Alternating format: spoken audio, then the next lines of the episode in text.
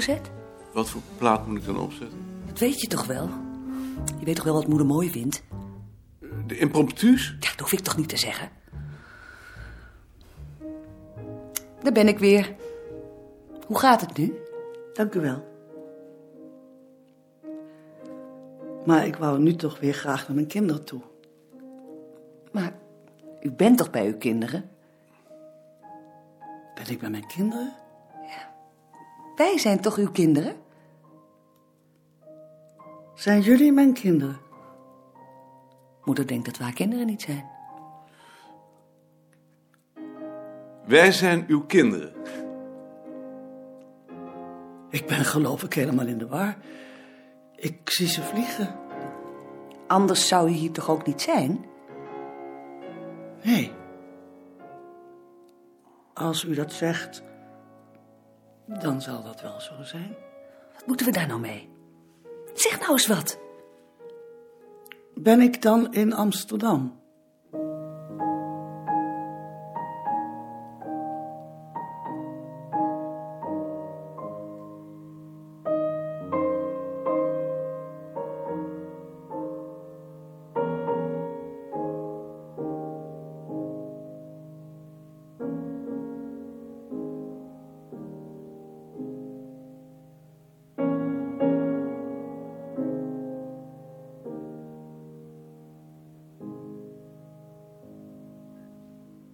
...1979.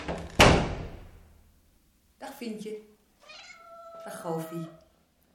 Vrouwtjes er weer. Dag. Josephine hoorde je al toen je het bordes opkwam. Oh ja, hoorde je me al. Wat knap. Dag Doris.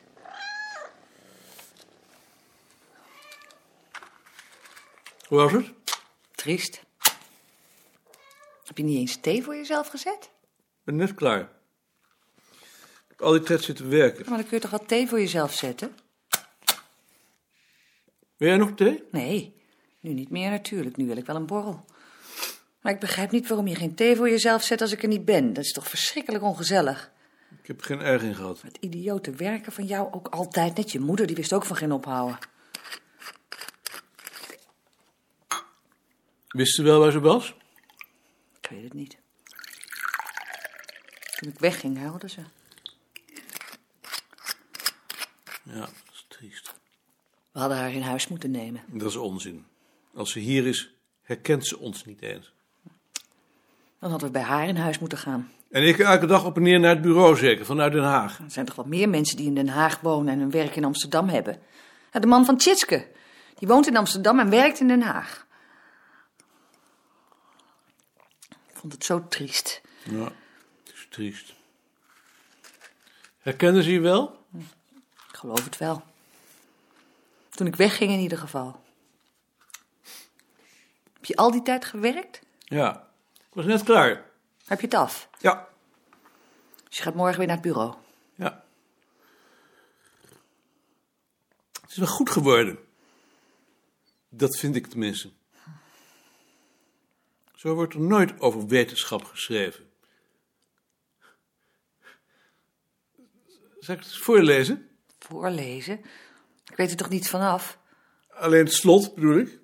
Het gaat over Gunterman. Waarom hij zo denkt als hij denkt. Als je het wilt voorlezen.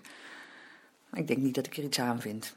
Hoeveel is het dan? 28 bladzijden. Dat ga je toch niet allemaal voorlezen? Het slot is maar twee bladzijden.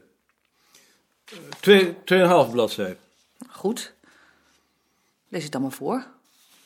Ik wil het ook wel niet doen, Nee, lees het maar voor. omdat je dan ziet waarmee ik bezig ben. Ja, lees het maar voor. Nou, ze hebben dus samen een handboek geschreven. En ik laat zien dat hun standpunten strijdig zijn. Ik behandel eerst uitvoerig de standpunten en dan laat ik zien dat het standpunt van Zuiner voortkomt uit zijn behoefte aan zekerheid. Die zekerheid zoekt hij in de illusie dat de cultuur van zijn geboortestreek met haar tradities al eeuwen oud is, wat blijkt uit zijn regionaal-politieke stellingname al voor de oorlog. Beetje gek, hè, om jou dat voor te lezen. Als je dat nou leuk vindt. maar- Lees het nou maar voor. Goed. Ehm, en dan kom ik op Gunterman. Hmm. Wie in het werk van Gunterman mocht zoeken naar gelijksoortige politieke, politieke of regionaal politieke motieven, zal ze niet vinden. Ik ken in ons vak weinig mensen bij wie de behoefte aan een regionale of nationale identiteit, of omgekeerd de behoefte om ermee te spotten, zo volstrekt schijnt te ontbreken. Als men Gunterman Deense of Nederlandse gegevens in handen zou spelen, zou hij er op dezelfde nuchtere, ijskoude manier mee omgaan als hij dat doet met de Duitse gegevens, waarop hij nu eenmaal is aangewezen. Het is verleidelijk om dat als een generatieverschil te zien. Zuiner behoort tot een generatie die getekend werd door de economische en politiek onzekere tijd tussen de twee wereldoorlogen, waarin nationale, regionale en sociale verschillen verscherpt werden en omgekeerd de identiteit van de eigen groep en de zekerheid van het onveranderlijke veiligheid leken te bieden. Gunterman werd grotendeels gevormd in de tijd van het Viertjesjahrhundert, toen nationalisme alleen maar een handicap was en elkaar snel opvolgende veranderingen niet alleen vroegen om een nuchtere, rationele benadering, maar bovendien het proces van verandering in het middelpunt van de belangstelling plaatsten. En dan ga ik hier verder. De behoefte van de Tübingers om een bijdrage te leveren aan veranderingen in de maatschappij is hem wezensvreemd, omdat dat een subjectief waardeoordeel over die veranderingen impliceert. En dat wil Gunterman nou juist niet geven.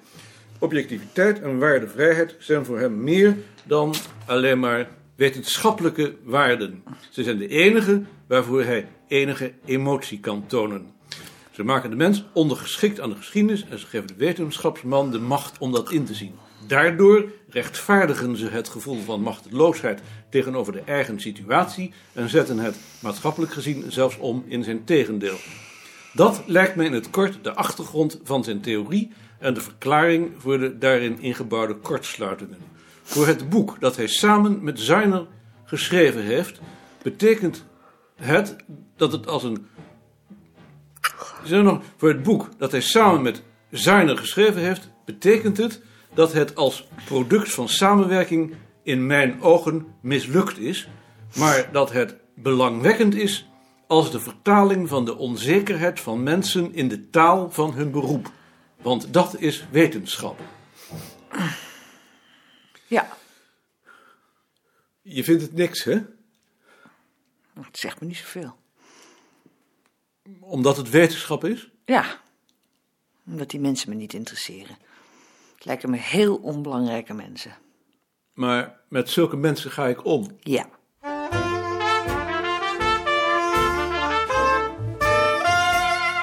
Tot de volgende keer dan maar weer. U krijgt de notulen zo spoedig mogelijk. Ja, ja, dat weten we en zo de man. Dus ik krijg die gegevens nog van u. Ik heb het genoteerd. Ik stuur ze u zo spoedig mogelijk toe. Eh, als je nog even tijd hebt, dan kan ik je de afdeling laten zien. Ik kom je toch maar even een handje geven. We zien elkaar volgende week weer, hè? In Enkhuizen.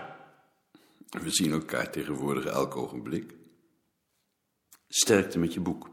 Ik stuur je het typoscript zodra het af is. Heel graag. Ik ben bijzonder benieuwd. Dag, juffrouw Veldhoven. Dag, meneer Koning. Ik ben blij dat u er weer bij bent. Ik ook. Al betreur ik het bijzonder dat Matze er niet meer bij is. Ik vraag me af of Escher nu wel de juiste vervanger voor hem is. Dat zal moeten blijken. Misschien zie ik u straks nog even? Nee, ik moet nu naar huis. Maar ik kom nog wel eens langs. Ik neem Alblas en Box nog even mee. Jij, ben je straks op je kamer? Ik wou eigenlijk ook naar huis. Dan ook een andere keer. Wij zien elkaar niet zoveel meer tegenwoordig. Kom je nooit meer in Arnhem? Elk ogenblik, maar je bent er nooit meer. Ik kom binnenkort wel weer eens langs. Doe dat. Dag koning. Wij zien elkaar binnenkort weer op de vergadering van dorps- en streekgeschiedenis. Dat is wel de bedoeling. Gaan jullie dan mee? Wij noemen elkaar bij de voornaam Tom.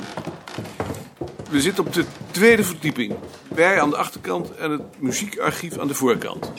Jacobo kent het hier al. Yes, sir. Ga binnen. Dit is de vergaderkamer. Hier zitten Asjes, Muller en ik. En je vindt hier een deel van de bibliotheek. De rest staat in de bezoekerskamer. Ik zal dat meteen laten zien. En eh, beneden is de algemene bibliotheek. En hier is de kaartsysteemkamer. Ik laat Alblas en Box het bureau zien. Jesus. Jesus, this is a sanctuary. Dit zijn Joop Schenk en Lien Kiepen. Dit is het helemaal. Hey, goldmine. Is dit ook toegankelijk voor het publiek? Nee, maar wel voor de leden van de commissie natuurlijk.